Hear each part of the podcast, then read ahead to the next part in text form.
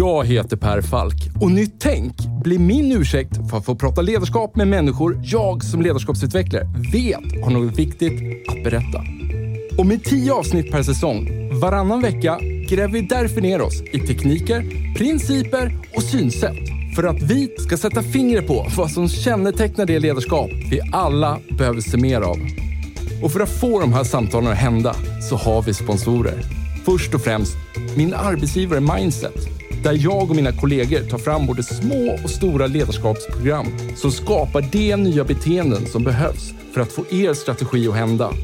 Allt handlar om att noga identifiera moments that matters. Samt Promote, som är den självklara digitala plattformen för dig som vill skapa effektfulla lärresor och ett mätbart resultat i verksamheten. Och om ni vill ge era nya medarbetare en riktigt bra introduktion med en välkomnande och effektfull onboarding så tycker jag ni ska kontakta superproffsiga Induction. Ni hittar såklart länkar i avsnittsbeskrivningen. Nu hoppar vi in i samtalet och kom ihåg att det här är ett sammandrag av originalversionen. Enjoy!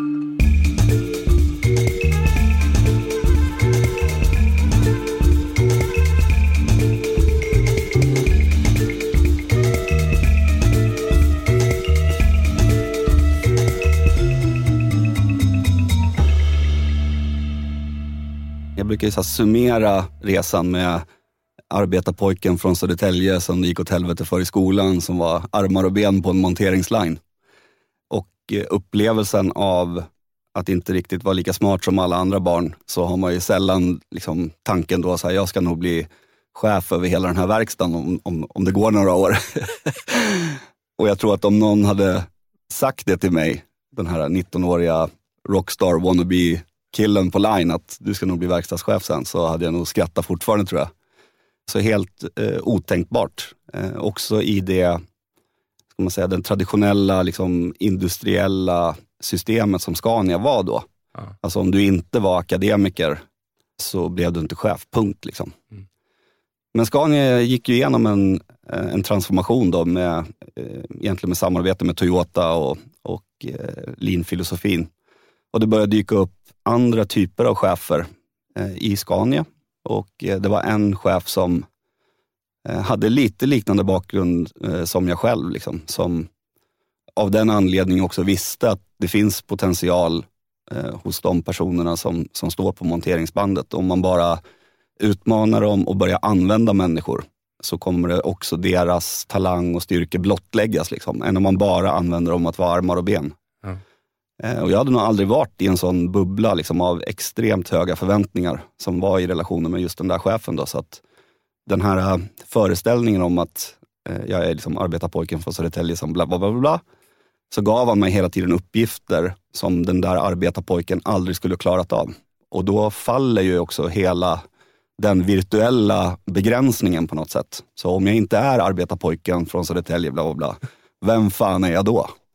Och det var starten för mig, liksom det här mm, som jag i min bok då beskriver som den personliga upptäckten. Liksom. Om man tar bort alla de här begränsningarna som, som är inlärda på något sätt och man fokuserar på så här, vad, vad är mitt intresse? Vad, liksom, vad gör jag när ingen tvingar mig? Ja. Eh, vad är min talang? Vad är jag särskilt bra? Och i vilket sammanhang upplever jag mening? Och svaret på de frågorna för mig personligen det var ju liksom inom området som man kallar liksom ledarskap eller förändringsledning. Och då Eh, började jag jobba som förändringskoordinator. Och också då fick jag ju lite mer bättre perspektiv för jag var ju tvungen att träna cheferna i den här liksom lean-filosofin och då kom jag också liksom närmare det, den rollen. Eh, och sen fick jag frågan helt enkelt om jag ville bli första linjens chef. Och då tänkte jag, det här är ju jätteläskigt. Det måste jag ju tacka ja till såklart.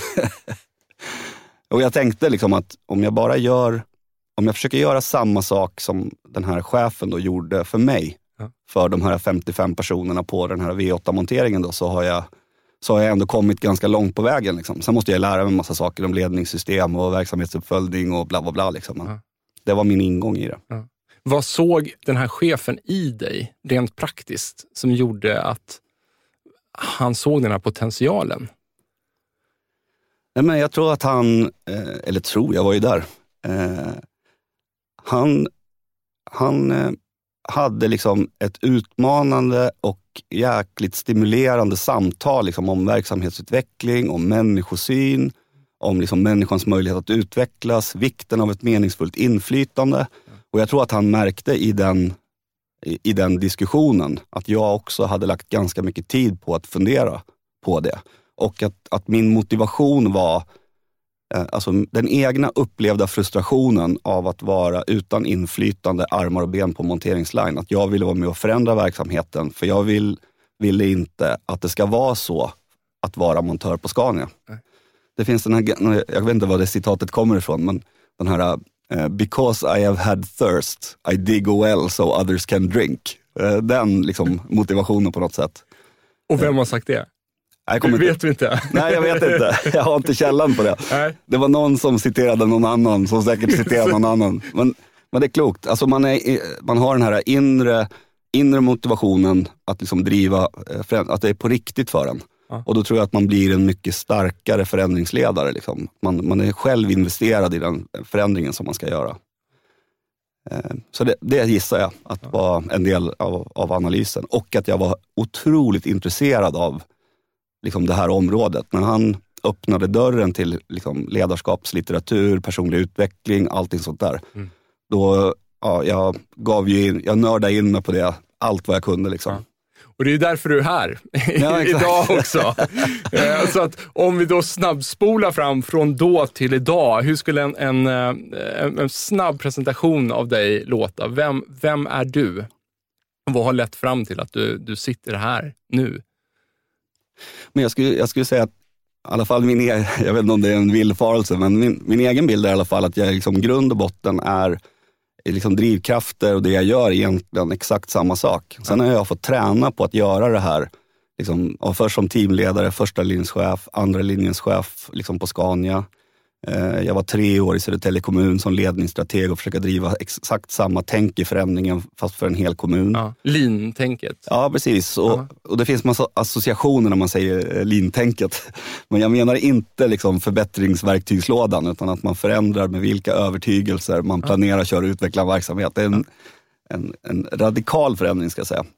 Och sen fick jag testa också och försöka göra det experimentet då, eh, sju år på SSAB, liksom en global stålproducent. Och sen har jag jobbat ett år som egen konsult också med att försöka hjälpa verksamheter, inte bara i Sverige utan väldigt mycket i Norge.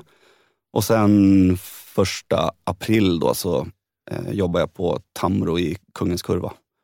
Jag skulle vara interimchef där i sex månader men efter fem och en halv så blev jag platschef. och vad gör ni på Tamro? Tamro ansvarar för distribution av, av eh, läkemedel. Så att egentligen att försörja Sveriges apotek med läkemedel och eh, apoteksvaror. Och Jag har ju bjudit in dig Robert för att jag, tycker, jag gillar ju lean-filosofin. Mm. Och jag tycker det finns massor därifrån som oavsett om inte arbetar med lean. Du markerade ju här när du pratade att du jobbar för Södertälje kommun och sa att det handlar inte om att ta med sig verktygslådan. Utan Nej. Du indikerar ju där att det finns då andra saker du tycker att man ska ta med sig. Det är det jag tänkte vi skulle prata om. Men jag tror att vilken verksamhet man än befinner sig så finns det saker inom lean-filosofin, lean-tänket som man som chef och ledare eller bara medlem av en arbetsgrupp skulle kunna ta med sig yes. in i arbetet. Och Jag kan inte tänka mig någon finare person än dig Robert att få sitta och diskutera det med. Mm. Smickra det där. Ja, smickra det där. Men jag vill också framhålla då, för att smickra vidare, att din bok då, Respekten för människan, den ligger också på mitt skrivbord hemma och när jag satte ihop den här podden så har jag mångt och mycket just utgått från de, här, mina favoritböcker. De ja. böcker som jag tycker har något riktigt viktigt att berätta. Och därför sitter du nu här. Tack. Och med det sagt, jag tycker så här, vi, vi bara börjar med att hoppa in i samtalet på så sätt att jag gillar att krossa, liksom börja med att dra ner några myter från, från bordet. Så, ja. så finns det några myter kring begreppet lean som du omedelbart skulle vilja programmera om oss på? Mm. Oj, nu, nu öppnar du Pandoras ask här. Ja. Nej, men jag skulle säga, för det första så tycker jag att det är problematiskt att liksom, den västerländska definitionen av den här ledningsfilosofin blev lean. Eh, för den, association. Som, som uttryck alltså? Eller? Ja, ja precis. Ja. Det var ju de amerikanska forskarna som försökte liksom på något sätt beskriva vad det var som toyotanerna gjorde. Ja. Där begreppet lean föddes. Liksom. Ja.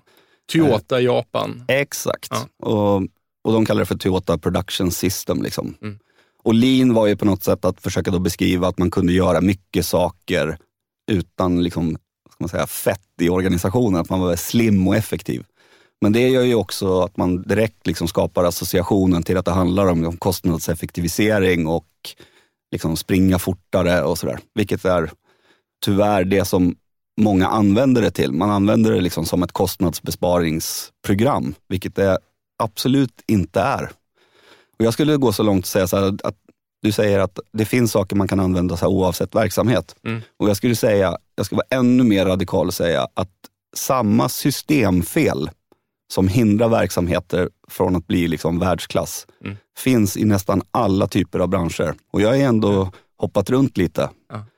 Eh, och om man ska enkelt liksom sammanfatta de två systemfelen så är det ena liksom silosmentaliteten. Att man organiserar verksamheten i olika funktioner och man tänker om bara varje funktion per sig blir jäkligt effektiv och är upptagen med att hela tiden jobba så blir helheten bra.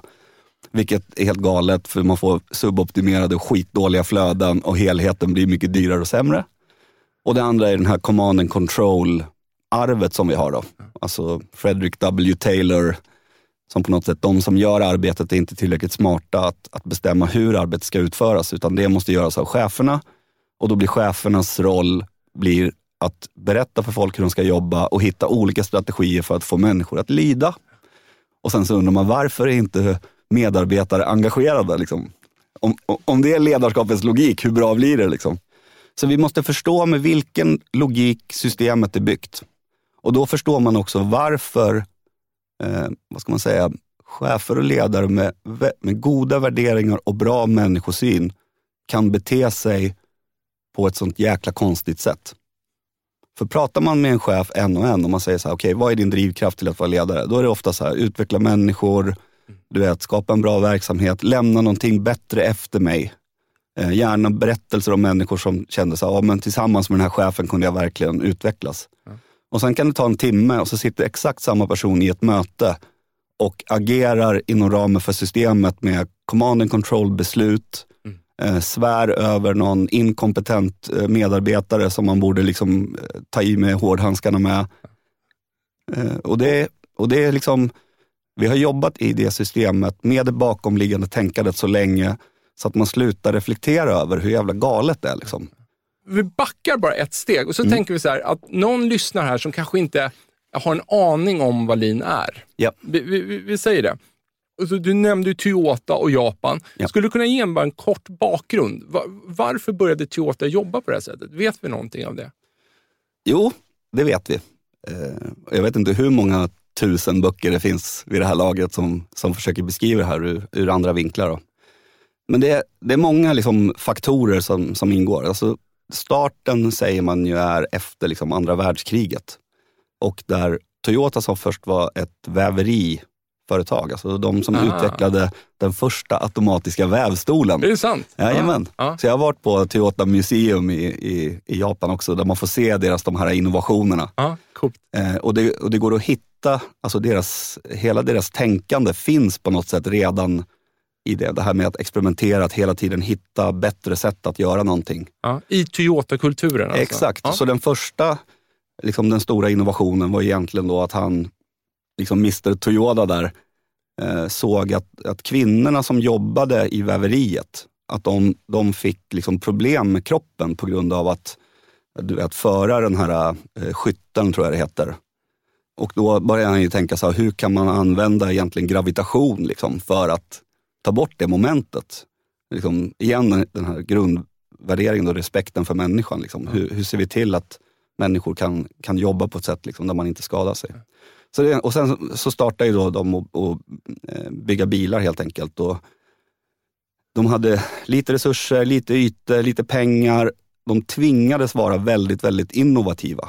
Och de hade också en så pass liten marknad så att de kunde inte använda den här massproduktionslogiken då som liksom Ford, utan de var ju tvungna att, att liksom bygga få bilar, hantera stor variation och i det, liksom det här med att göra effektiva flöden och vara effektiv i sin flexibilitet och allt sånt där. Det föddes liksom i den, ja. i den kontexten. Och sen så har det ju utvecklats då, jag skulle säga, inte genom att det sitter några Toyota-gubbar och filosoferar fram smarta grejer, utan de har liksom testat sig fram. Och sen har man efteråt kunnat beskriva hur, vad det blev. Liksom.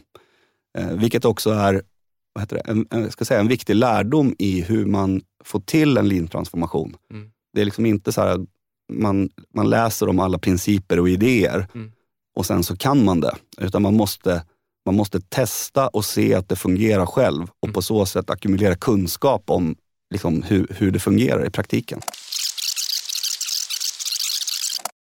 När väl liksom västvärlden förstod, när de försökte förstå varför mäter de kvalitet i ppm, liksom, i så här, hur många fel gör man på en miljon möjligheter att göra fel. Ja, ja. Eh, så resan, de har liksom tränat då i 30 år att bygga upp sin förbättringsmotor. Ja. Alltså de, de blir bättre så mycket snabbare än alla andra. Ja. Så att även om de berättar liksom hur de gör, så är det ganska liksom riskfritt att 30 års träning tar man liksom inte ikapp på tre år. Liksom. Det är den, kulturell, alltså den kultur man har liksom arbetat upp kring det här yes. går liksom inte att bara kopiera rakt av, utan Nej. Och det... tänket och beteendena måste bara finnas i ryggraden hos människor. Och det... Ja, jag ska säga, man kan ju göra det, jag tror man kan, man kan nog göra det ganska snabbt om man tar liksom en liten avdelning ja. någonstans. Om man stoppar in en ledare som som har gedigen erfarenhet och liksom bygger upp både liksom kultur, och struktur och spelsystem och allting. Ja.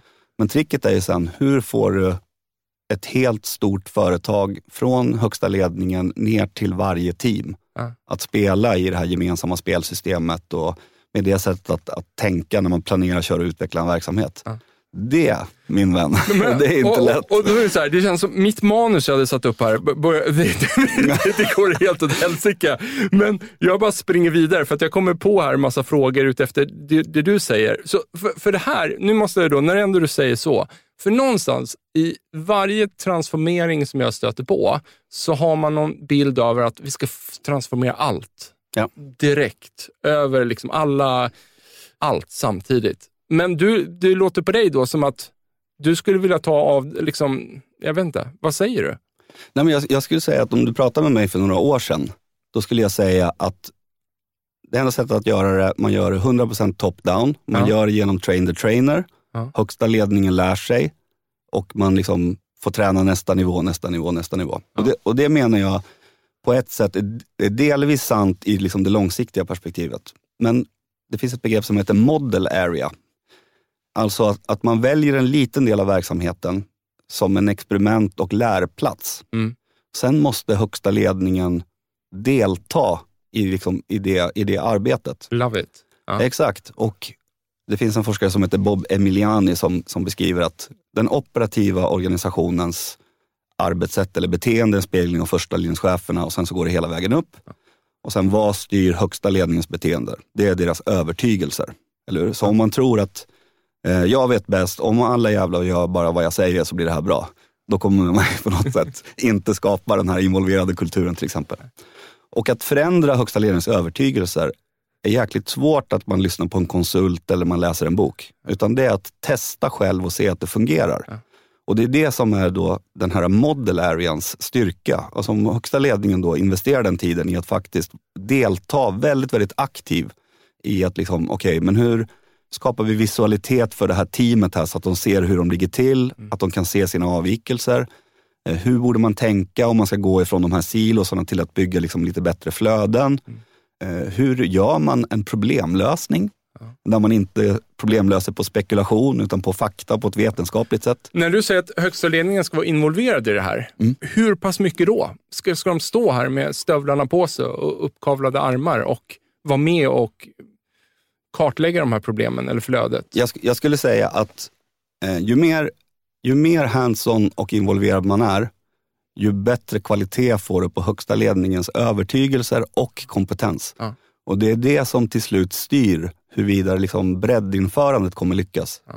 De, eh, forskningen säger att ungefär, den snälla forskningen säger att ungefär 70-80% av organisationerna försöker göra en sån här resa lyckas inte. Den ena forskningen säger ungefär 98.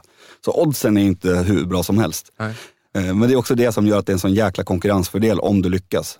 Och då, så vad är orsaken är ju ofta högsta ledningens brister i högsta ledningens övertygelser och brister, även om övertygelsen i så fall deras förmåga att förstå vad, det, vad som faktiskt krävs. Ja. Och det finns en begränsning i hur mycket liksom konferensrums eh, filosofidiskussioner, hur långt man kan komma med det. Mm. Och att få den här aha-upplevelsen av att vara ute i verkligheten, förstå hur det är Mm. och vilken otrolig skillnad det kan bli i, alltså för kunden, för medarbetarna och liksom för produktivitet och effektivitet. Ja. Och man får den här liksom shit, shit pommes frites. Alltså, men det, det, men det, det känns ju liksom som att jag, liksom så här, jag har bara så svårt att visualisera ledningen på ett storbolag som gör den här investeringen. Jag vill ju att det ska vara så. Mm. Och förstår att det måste fungera så. Jag har bara så svårt att se det framför mig, att man skulle liksom investera i den tiden och bara tycka att det här är viktigt. Det här måste göras Yes. ifall den här transformeringen på något sätt ska lyckas i, i kölvattnet Exakt. bakom den här, liksom, eh, vad, vad kallar du den här testenheten för? Model area. Model area. Mm. Ja. Men, du, sam men samtidigt så lät det som att du har ändrat övertygelse då, bara de senaste åren. Eller? Ja, precis. Ja. För, och för då är min nästa fråga, då låter det som att ni inte gjorde så på Scania back in the days då. Jo, Eller? Jo, för, eh, man kallar det för, eh, man kallar det för liksom pilot. Mm. Så man hade, man hade liksom, om det var eh, motorbearbetning till exempel, då var man en line som man liksom la fokus på att, liksom, att lära sig. Mm. Och sen så försökte man sprida det därifrån. Så delvis gjorde man det. Eh, men om vi ska ta Scania som, som ett exempel också där med högsta ledningens... Gärna, eh, gärna. Eh, kör. För att ge liksom en, en story kopplat till det. Så Scania byggde ju, jag tror att de fortfarande har det, de har en, en, liksom en träningsarena där man bygger trampbilar. Mhm. Alltså en miniatyr lastbilsbyggarprocess. Och för att liksom verifiera att liksom det blir bra, då är det X-board, alltså högsta ledningen på Scania, är och monterar trampebilar Ja. Och skriver standarder, de kör daglig styrning, eller pulsmöten man kallar det. Så det är ett praktiskt exempel på där, där högsta ledningen faktiskt är väldigt, väldigt involverade. Men jag skulle säga också att det är, alltså Leif Östling förstod väldigt, väldigt snabbt, han har sagt det själv också, när han var till Ken, Toyota Kentucky-fabriken, att han, fabriken, att han, han sa så här, jag ser att det här är något helt annat, men jag förstår inte vad det är jag ser. Och, och då liksom, du vet, nyfikenheten att liksom eh, knäcka koden. Och Leif Östling var ju på något sätt garanten under de här liksom, nästan 20 åren liksom, Mm. som Scania gjorde resan. Och jag tror att det var många andra chefer inne på Scania som var, vet, ska vi verkligen fortsätta det här? Vi ser ju liksom inte effekten. Nej. Det här övertygelser och eh, förmåga att förstå vad det faktiskt är. Att liksom hålla fokuset genom liksom hela förändringsresan. Det är otroligt viktigt. Ja. Det kanske var en, en förutsättning att han satt som vd så pass länge för att, att det var det som var framgångsfaktorn i sig, eller en del av det, Yes. att det här verkligen genomfördes. Ja. Hur, Och när, och när Leif slutar så kommer inte någon vd från något annat bolag in. nej. Utan det är hela tiden ledare som är liksom de är marinerade i den här filosofin under många, många år som sen kliver in i nästa position. Liksom. Ja. Det finns organisationer som är extremt duktiga på det här. Jag, kan ta, jag var på Toyota i England till exempel, Mm. eh, som är då en helt annan liksom, företagskulturkontext, vad, vad men, alltså, om man tänker till liksom, nationen. så. Mm. De är jätte, jätte, jätteduktiga. Och då måste man göra någon så lite små, små tweakar liksom kring, så här, okay, i den kulturella kontexten, liksom kring motivation och sådana saker. Man kan inte göra liksom exakt samma sak, men själva grundspelet och grundfilosofin är densamma. Och sen ja, när jag var till Japan sist, då, det var liksom kronan på verket att se det i, också i den kulturella kontexten. Jag ska säga att, att det är inte jättestora skillnader om man ska jämföra liksom Englandfabriken mot det jag såg när jag, när jag var i Japan. Man kan ta, ta ett exempel, och nu det här blir det eh, förenklat såklart. Men om, om du som Toyota-chef på Japan ger utmaningen, säger så här, vi ska korta ledtiden med 50 procent. Mm. Då är responsen, haj! Man Mm. tar emot utmaningen och det är liksom en självklarhet man tar emot utmaningen och sen börjar man jobba. Liksom. Medan om du skulle säga det i en svensk kontext, så vi ska halvera ledtiden, så okej, men varför då? Eller hur? så bara, det finns en annan kultur, liksom, att, tror jag, att förstå syftet bakom det. Att, eh, att vara liksom involverad i hela det, den bakomliggande storyn. Ja. Och om jag får vara med i det, då kan jag säga, inte haj, men säga liksom okej, okay, men, men, men då kör vi. Och det tror jag också, eh, jag brukar säga att den svenska Eh, ledarskapskulturen eller organisationskulturen ja. som ställer jäkligt höga krav på att förstå syftet bakom. Alltså svenskar är jävligt olydiga. Chefen säger vi ska göra det här. Ja. Men om inte jag tycker att det är en bra idé, då gör jag det inte. Nej. Nej. eller Och det ställer också krav på liksom, ledarskapet, att, att man faktiskt klarar av att förklara syftet, liksom, eh, hela det kittet. Och så vi är ganska grundtränade i det, i bästa fall. Och det tror jag kan ge ytterligare en en aspekt liksom på att verkligen göra det här med så här inre motivationsfaktorer. Eh, än, att, än att man bara har väldigt mycket respekt för någon som är en, ett snäpp upp i hierarkin. Liksom. Det finns ju, eh, när man pratar så här klassiska Hofstad-diagram. Nej, förklara. Ja, nej, men det, alltså det, det det, är en gammal eh, teori hur man delar in olika kulturer i världen i olika parametrar. Ja, just det. Ja, men det är så. och då är det och så här, Sverige Japan är mest ex, ja, ja, ja, vi, vi tar ju liksom, ja, det är ju en diskussion i sig, för att vi tar ju så extrempositioner i, i, på allt. Exakt vi är ett extremt land, men har en självbild av att vi är mest som man är. Liksom. Exakt. Ja. Det, är, det, är, vi som är extrema, inte resten av världen. Liksom. Mm. Det, det, är väl lite så. Det är mm. väl lite så. Men det intressanta där också är att vi delar vissa, par, vissa parametrar delar vi med Japan. Yes. Eh, och väldigt och, nära också. Ja, mm. och då tänker jag så här, det, det kanske är det som är en, en av förklaringarna till att, att, eh, jag vet inte, att det svenska ledarskapet då delvis gick att jacka in lite med de här tankarna. Jag tror att det är, jag tror att det är absolut så. Jag har hört att det finns någon beskrivning också att Sverige är liksom Europas japaner på, på något sätt. okay, ja. Så det finns, eh, jag, jag tänker, det, det, kommer säkert ur andra kulturella kontexter. Men jag tänker så här, den svenska liksom, Luther, liksom, det här med att man ska göra rätt för sig. Och... Vi är ifrågasättande men vill göra rätt för ja, oss. Ja, precis. Exakt. Och sen så tror jag också den här, eh, vad ska man säga, den, den vetenskapliga Alltså att göra saker liksom, eh, på ett rationellt och vetenskapligt sätt som också ligger väldigt nära en del av den här linfilosofin. Då. Att man gör inte saker på spekulation utan man Nej. verkligen analyserar, man använder Nej. fakta. Därav den här frågan, varför då? då? Eller ja. varför då? Varför ska vi korta ledtiden? Ja. ja, exakt. Men jag tror att det, för man brukar säga så här, okej, okay, är lean den här, den här filosofin som bygger på respekten för människan, eh, involvering, att skapa värde för du vet, lite mer så här filosofiskt eh, abstrakta? Ja. Eller är det det här, du vet, sätta standard för all, arbetssätt, hitta avvikelser, hitta rotorsaken, jobba bara med fakta? Och svaret är ja, det är det. Och det är just kombinationen av eh, liksom, att man har, man har jäkligt bra koll på läget och man jobbar med avvikelser man jobbar faktabaserat. Fast man gör det liksom i ett socio tekniskt system som plockar fram det bästa av människor. Att människor får utvecklas i utmaningen att hela tiden göra verksamheten bättre. Ja. Det är det som...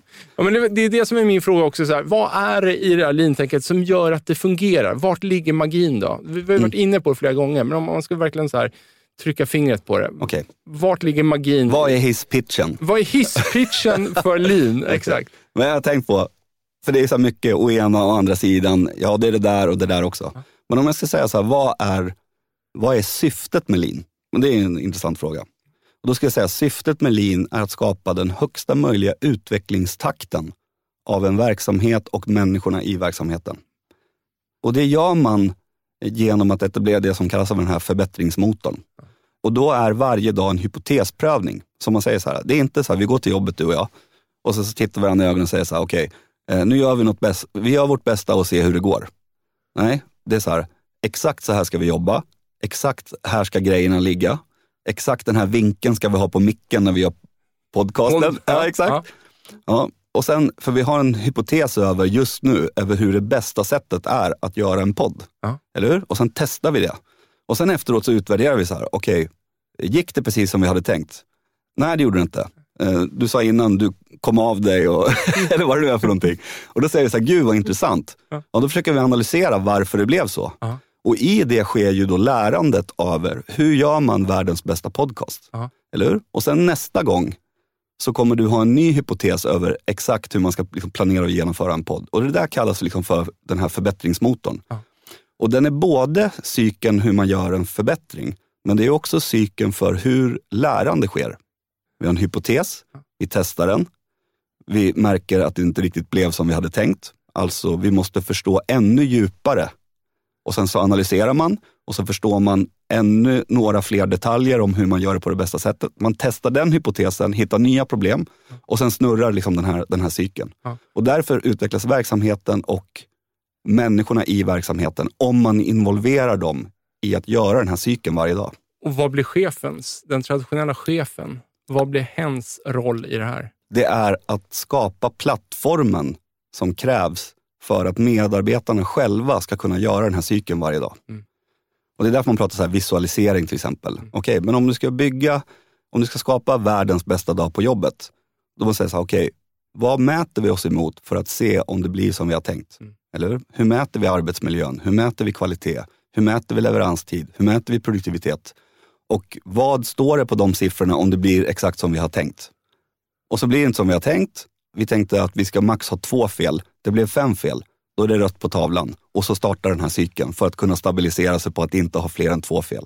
Och chefens roll är att träna medarbetarna i hur man gör det här, men också att etablera själva plattformen. Skapa de visuella verktygen, skapa tid för mötet, skapa tid för att kunna jobba med problemlösning som en del av det dagliga arbetet. Det är chefens nya roll, inte att vara beslutsmaskin. Jag har hört någonstans om att cheferna i produktion, det ställdes rätt stora krav på dem också i det långa loppet. Att det var de som skulle utbilda Yes, sina grupper, det vill säga inte inhyrda konsulter. exakt. Utan cheferna behövde ha en sån förståelse att de själva kunde utbilda sina grupper och sin personal i synsättet. Ja. Det var så, det var ingen myt. Nej, Nej. det fanns ju de här, eh, jag hade ju den rollen också då som eh, vi kallar för SPS-koordinator, Scania Production System-koordinator. Eh, som hjälpte cheferna, men det var cheferna som var tvungna att stå på scen liksom, när man gör träningen. Exakt. Ja. Och det är, jag skulle säga, om man ska säga så här, vad är topp fem framgångsfaktorer för att Scania är så framgångsrika? Då skulle jag säga att det är en av de topp fem. Mm, jag förstår det. För, för det vet vi ju, att det är därför så många misslyckas, att de försöker delegera förändringsarbetet till interna eller externa konsulter. Och då förändras inte ledarnas övertygelser, ledarnas arbetssätt. Och därför förändras inte kulturen eller systemet. Utan du skapar liksom bara såna här oaser liksom, där konsulterna är. Och sen faller allting tillbaka när konsulterna försvinner. Och vad tycker du då? då? Om man, så här, vi har ju nämnt eh, Södertälje kommun här. Jag vet man har ju pratat om värdebaserad vård inom sjukvården och så vidare. Mm. Vad är det för principer och resonemang som du ser att man egentligen kan ta med sig från lean-filosofin in i vilken verksamhet som helst? Mm. Vad är det finaste med lean? Liksom, Ja. som, Eh, jag har min, eh, en av mina eh, vänner och läromästare, han heter Magnus Lord och just kommer från, från sjukvården. Och han summerar det väldigt, väldigt fint. Han säger att grundvärderingen är respekten för människan. Och den ena dimensionen av det, det är att istället för att fokusera på silos, att fundera på för vem finns vi till? Alltså kunden eller patienten. Och att organisationens fokus är att göra den serien med aktiviteter så bra som möjligt. Alltså hur gör vi patientens resa så bra som möjligt liksom genom vårdsystemet? Mer än att liksom, eh, räkna pinnar eller beläggning på en vårdavdelning. Det är respekten för patienten. Ja. Eh, det andra perspektivet är att involvera de som står liksom, i eh, det faktiska värdeskapande arbetet varje dag. Att involvera dem i att göra verksamheten bättre, Mm. det är respekten för medarbetarna. Så att om man involverar de som förstår verksamheten bäst i att göra den här serien med aktiviteter bättre och bättre varje dag och samtidigt då plocka bort det här slöseriet, alltså det som binder våra resurser men som inte skapar värde för, för kunden. Det är det som skapar den här vinna-vinna-grejen. Liksom. Det utvecklar människor genom att förbättra kvalitet och förbättra ska man säga, kundupplevelsen. Och den synergin, det är det som... Jag, jag, jag har inte sett att det finns något, något annat som slår det. Liksom. Men det är ju rätt många företag, som, eller organisationer ska jag säga, med, som, som vill just åt det här mer inkluderande ledarskapet. Yes. Vad måste till för att riktigt få det att fungera? En annan stor fråga. Mm. Om jag ska svara på det på det absolut enklaste sättet som jag kan, så skulle jag säga att den strukturen finns redan. Om du börjar i högsta ledningen så är jag helt säker på att högsta ledningen har en strategi, om de har någon form av liksom självbevarelsedrift. De har eh, kvantifierat vad de vill uppnå och sen har de någon form av ledningsgruppsmöte där de följer upp huruvida det blir som de har tänkt. Och när de märker att shit, försäljningen går inte alls som vi har tänkt, så försöker de göra någonting åt att försöka korrigera det. Och sen går det ner på nästa nivå, så kommer du hitta att det finns någon form av nedbruten del av den strategin för försäljning, operations och vad det nu är.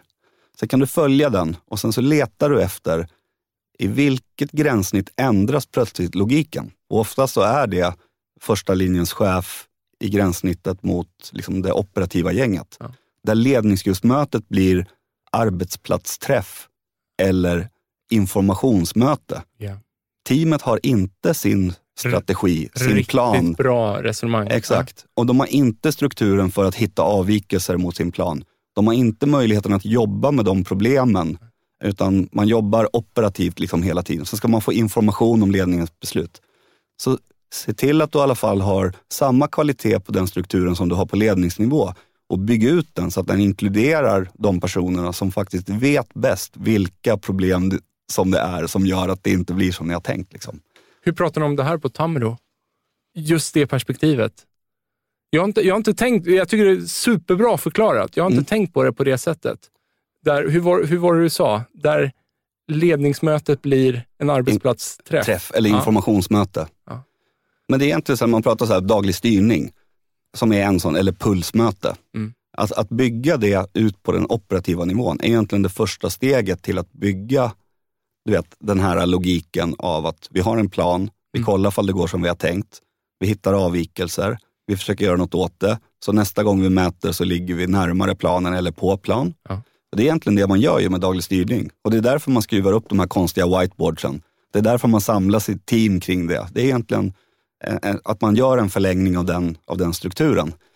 Sen kan man utveckla eh, hur man gör det här på högsta ledningsnivå och alla nivåer. Men om man, just det, enkelheten, alltså ta i alla fall det som ni har idag så bra som det är och se till att det inte finns en gräns mellan ledningsnivån och de operativa människorna, utan att de får vara med i alla fall samma kvalitet av strukturen som ledningsnivåerna har. Och då känns det som att mål och resultatuppföljningen, hur det genomförs, blir väldigt centralt. Yes. Kan du säga någonting om det? Ja, men det, ja, det, det är egentligen det jag säger, att man kan utveckla hur, hur man gör det. då. Eh, så Toyotanerna kallar det för Hoshin Kanri. På engelska kallas det för strategy deployment eller policy deployment. Jag tror vi svenskar svenska kallar det för strategi och måldelning. Och det är ju att, att när, man, när man tar fram liksom den övergripande strategin, försöker man fundera, okej, okay, men vilka är de en eller två eller tre sakerna som verkligen kommer ta verksamheten till nästa nivå? Alltså inte bara det här avvikelser varje dag, det gick inte som har tänkt, utan de här språngvisa förbättringarna behöver vi göra. Mm. Och sen så ger man den utmaningen till nästa ledningsnivå. Där man säger så här, det här är utmaningen. Och sen hade det varit i Japan så hade de sagt hej. Och sen så gör de en plan och sen så kommer de tillbaka till sin chef och säger så här, så här förstod vi utmaningen. De här initiativen kommer vi jobba med och så här kommer vi mäta oss för att se att vi kommer närmare och närmare målet. Och så gör de det hela vägen ut. Och på så sätt, vad ska man säga, ställer man in förbättringsstrukturen på varje nivå så att den strategiska ambitionen finns med. Och den här catchball, det innebär ju också att du skapar, det är en process av att också skapa acceptans. För du måste ju berätta storyn varför det är viktigt. Mm. Och liksom, så att alla känner så här, okej okay, nu, nu förstår vi. Okej, okay, det här är vårt bidrag till det här övergripande målet någonstans när man försöker implementera det här så måste det ju klia någon, äh, oerhört i den traditionella chefens fingrar. När man då ger iväg då den här uppgiften. Yeah. Och förhoppningsvis får man ett haj. men sen eller? Eller så får man inte det. Eh, men, men, så kommer gruppen kanske inte tillbaks med någonting alls. Nej. Eller så kommer de tillbaks med något, men som är halvdant. Mm. Och, det, och det är det här jag menar, om vi går tillbaks till den här definitionen av att det handlar om, det handlar om att ha högsta möjliga utvecklingstakten. Du kan inte ge en arbetsgrupp en, en utmaning att, ja. att, bli bättre än deras nuvarande utvecklingstakt. Eller? Ja. De kan inte bli 10% bättre på en månad om deras utvecklingstakt är att de blir 0,1% bättre på sex månader. Ja. Och då måste man jobba med förmågan att jobba med utveckling. Ja. Och sen så ställer man utmaningen på något sätt i relation till det. Det är typ bland det taskigaste man kan göra. Ja. Är ju liksom någon som inte ens har två ben som ska slå världsrekord i 100 meter. Så när den här gruppen de första gångerna kommer tillbaks och kanske har något halvdant med sig, Mm. så har de ändå lyckats. Ja, nej, jag skulle säga så här att Jeffrey Liker som är en sån eh, lean-guru som har skrivit i Toyota Way bland annat. Och han har en bok som heter Toyota Way for Lean Leadership, tror jag den heter. Och han säger att, att börja, för det det är väldigt tilltalande idé, det här med strategy deployment. Okej, om vi bara catchballar de övergripande målen är på team så kommer de leverera det. Och gud vad skönt. Och så vill man börja med det för tidigt.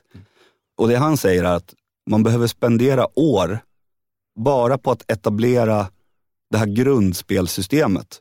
Att mäta, liksom följa upp, hitta avvikelser, driva problemlösning, träna folk, träna cheferna att gå ifrån beslutsmaskiner till att coacha, träna problemlösning. Och sen när du väl har fått den här motorn och, liksom, och börja snurra, då kan man också stä- liksom komma strategiskt och ge utmaningar till den här förbättringsmotorn. Ja, ja. Om förbättringsmotorn inte snurrar så spelar det ingen roll liksom, vad, vad du vill att den ska prestera. Liksom. Och det var ju det som Scania också gjorde de första åren. Innan man, nu pratar man ju liksom strategisk plan på Scania, där man liksom väldigt, väldigt medvetet ger utmaningen kopplat till produktivitet eller ledtid och sådär. De första åren, då tränar vi bara på liksom daglig styrning, förbättringsmöten. Utif- bara för att försöka stabilisera och liksom göra vardagen först dräglig och sen lite bättre och bättre. Eh, Så jag tror att man ska vara försiktig med att liksom för tidigt gå in i att liksom göra den här strategi och måldelningsprocessen. Ja.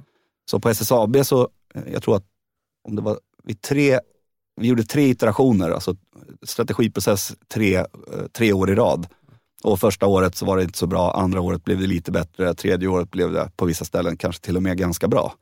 Men det var ju för att då hade vi fått eh, på många ställen den här eh, alltså grundläggande förbättringsstrukturen på plats. Så att det fanns ett lag som kunde ta emot en utmaning. Mm.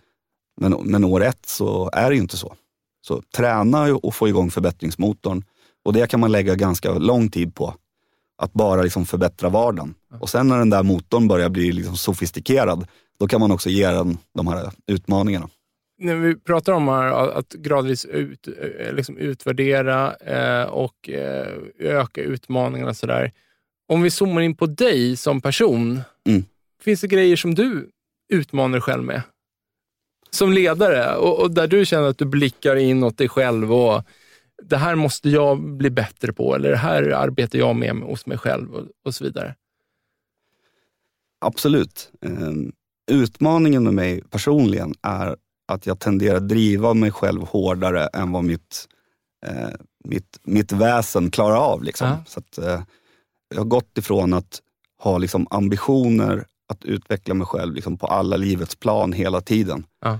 Och, och vilket är bra. Liksom. Men det går inte att plugga högskola på halvfart, uppfostra barn, träna för att man ska kunna tävla i crossfit, eh, vara musiker, skriva musik och liksom eh, allt, allt det på en gång. Liksom. Då, då går jag sönder. Så jag har, bara, jag har liksom under många år plockat bort och plockat bort och plockat bort. Och just nu har jag varit i en väldigt, väldigt intensiv period med, eh, med den här resan på, på Tamro. Då. Så att då är det mer eller mindre att jag jobbar, jag kommer hem, jag äter, jag umgås liksom en timme med, med familjen och sen går jag och lägger mig och sover. Liksom. Det låter som du, jag, vi spelat in ett avsnitt med Giorgio Grossi, där, där jag berättar om att för ett, ett år sedan så vaknade jag upp en morgon och hade svårt att gå upp ur sängen. Ja, just. Eh, och han, eh, vi pratade lite om varför min kropp reagerade på det sättet. Mm. Och Jag kan liksom känna igen mig väldigt mycket i dina resonemang här. Men vad, vad är läxan för dig med det du just berättade? Då? Någonstans har du insett att, du, att, att du, du satte för höga förväntningar på dig själv? Eller? Nej, men jag, ja, det, det är lite mer eh, komplext än så. Men jag, jag skulle säga att ehm, den ena beskrivningen är att man brukar säga så här, ja, men om man vill utvecklas kan man inte vara i sin komfortzon. Och det är sant. Men man kan inte alltid vara 400 mil utanför sin komfortzon. Du, du, alltså utvecklingstakten är extremt hög, ja. men, men liksom bränslet eh, tar slut. Eh, och sen har jag, alltså första gången som jag hamnade där jag liksom åkte på en sån riktig liksom, käftsmäll, liksom utbrändhetsmässigt. Och sen så har jag liksom kommit upp på banan igen och sen trillat dit igen, så som man oftast gör. Eh, så har jag också insett att jag har liksom en, en kronisk depressionsdiagnos som jag liksom parallellt har fightats med, men som jag inte varit medveten om. Nej. Alltså som dränerar min energi inifrån oavsett hur jag liksom riggar, riggar mitt liv. Liksom. Ja. Eh, så att det där har ju varit en, alltså en jäkla fight. Alltså. Ja. Så att, eh, Vad glad jag blir att du kan sitta här och bara säga det rakt upp och ner. Ja, ja precis. Men jag är också, jag, jag tänker att det är, just nu så är jag liksom tillräckligt långt ute på andra sidan. Peppar, peppar. Ja. man ska vara jäkligt ödmjuk för de här grejerna har man inte kontroll på. Nej. Eh, och då är det också, jag brukar inte vara, jag brukar liksom inte vara hemlig med det. Det är ju liksom eh, vår tids stora folksjukdom liksom, ja. med psykisk ohälsa. Så ja. Jag blir ju såklart jätteglad att, att du är så pass öppen och mm. att det inspirerar andra, att, att man kan liksom ha ett sånt samtal. Eh, men så här, tyvärr så tror jag att många känner att de vill liksom, så här, hålla det för sig själv. Ja, exakt. Ja, men, och jag tror, jag tror, om jag säger, nu kan jag, jag liksom vara kaxig och liksom, prata om det. Ja. Äh, det är jag inte men. Men i perioder som jag känner att jag inte har det här liksom under kontroll, då blir det också liksom mycket, mer, mycket mer känsligt. För det, det som man inte vill ha, det är ju på något sätt att, att omgivningen tror att, att man är, vad ska man säga, någon, någon liten sårbar sak som, som man inte kan ställa krav på eller som man inte kan förvänta någonting. Ja. Alltså jag är ju en otrolig utvecklingsmotor. Liksom. Ja. Men sen så finns det den här variabeln som jag inte kan kontrollera. Liksom. Och när jag mår bra, då är det ju 100% liksom, utvecklingsmotor. Och när det tar tvärstopp, liksom, då, kan, då kan det behövas en, en månad av bara liksom, ligga still och, och, och försöka andas. Liksom. Ja. En sista fråga bara innan vi lämnar ämnet där. Kan du prata om det här med din personal? Det du just berättade. Har du tagit upp det med dem? Men jag, eh, jag har, alltså historiskt sett så har jag all, alltid gjort det. Ja. Eh, och framförallt, alltså när jag har varit i de här svängningarna så är det också, jag kan inte Delvis så vill jag liksom inte dölja det. Nej. Och jag märker ju också när jag pratar med folk, alltså oavsett på vilken ledningsnivå, så alla har sin berättelse, antingen om en själv, ja. alltså min, sin sambo, sin pappa eller en mm. nära vän. Liksom. Fast det är ingen som säger det. Om, men om man berättar så här, du vet, jag, du vet, jag är sjukskriven, liksom, jag har eh, svår liksom, depressionsdiagnos och ja. allting sånt. Så. Då, är det ofta, då kommer liksom alla de här storiesarna. Men sen, det är svårt att, jag tänker så här, om jag kommer in som ny, och ingen vet vem jag är, så skulle jag nog aldrig vilja liksom säga, hej jag heter Robert och jag har under hela mitt liv haft en utmaning med kronisk depression. Liksom. För det, du vet, då, då blir det igen så, med vilken lins ser man på dig då? Ja, men jag, jag förstår Eller? precis. Och att man, risken blir att man liksom bedömer dig genom den här linsen och försöker förstå dina beteenden i varje situation. Exakt. Genom den informationen du just har gett. Ja. Det, det, kan skapa att man hamnar i en så väldigt ängslig miljö. Alltså ja. med all välmening. Ja, ja, alltså att folk liksom tänker, liksom, okej, okay, shit, liksom, det här vill vi liksom inte ska, ska hända. Liksom. Och jag vill inte bli, jag vill inte bli bemött liksom, på det sättet som att jag är, eh, du vet, det här, den här sårbara lilla varelsen som man inte kan ha förväntningar på. Eller hur? Utan jag, mycket av min drivkraft är ju att ha förväntningar på mig och mitt lag ja. som kanske egentligen ingen tror är möjligt. Ja. Och sen göra de sakerna som krävs för att liksom bevisa kraften i den här filosofin, kraften i... Och då, och då, jag trivs inte i den, i den där ängsliga...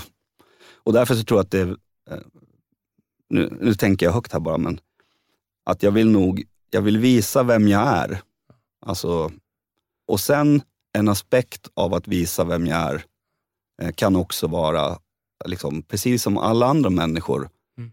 så har jag utmaningar i mitt liv Mm. som inte alltid liksom är helt synliga. Liksom. Mm. Jag kan lägga till en, en liten avslutande knorr. Ja. Eh, För jag har ju alltid sagt att du vet, det tar, beroende på organisation, någonstans liksom mellan 5 och 15 år att liksom göra resan tills man ser resultat.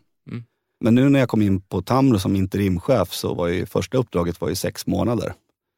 Och då blir ju också frågan så här, okej, men hur, hur lyckas jag bidra på ett hållbart sätt så att det faktiskt blir någonting på sex månader? Du kan inte lägga ut liksom en så här transformationsprogram på tre till fem år. Liksom. Och, då, och då på ett väldigt så här operativt sätt, alltså ut och göra saker tillsammans med medarbetarna. Vet. Upp med tavlan, vilka är våra topp fem problem och liksom bara hands-on och sen träna i att, liksom, i att göra det. Och vi förbättrade produktiviteten med, jag tror att det var 30 procent på tre, 13 veckor. Då säger jag så här, det är det som får bli de avslutande orden. Tack för den sista knorren. Tack.